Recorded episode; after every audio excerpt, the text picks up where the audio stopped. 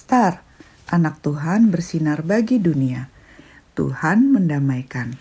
Diambil dari 2 Korintus 5 ayat 19a. Sebab Allah mendamaikan dunia dengan dirinya oleh Kristus. Mah, kenapa Yusuf menangis? Yusuf sudah lama tidak bertemu dengan saudara-saudaranya Mentari.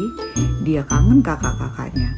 Dia kangen adiknya, dia kangen orang tuanya juga. Dia kangen dan bahagia karena bertemu dengan keluarganya. Kalau bahagia, kenapa Yusuf menangis keras-keras, mah? Menurut Mentari, kenapa Yusuf menangis? Hmm, hmm, kenapa ya? Orang bisa menangis karena senang, karena sedih, karena marah, ataupun karena rindu. Oh, begitu ya, mah. Bahagia dan sedih bisa membuat orang menangis ya, mah? Iya, dan tidak apa-apa kalau Mentari juga mau menangis. Menangis bersama Tuhan itu indah. Nah, adik-adik, bagaimana cara menangis bersama Tuhan? Menangislah sambil mengobrol dengan Tuhan.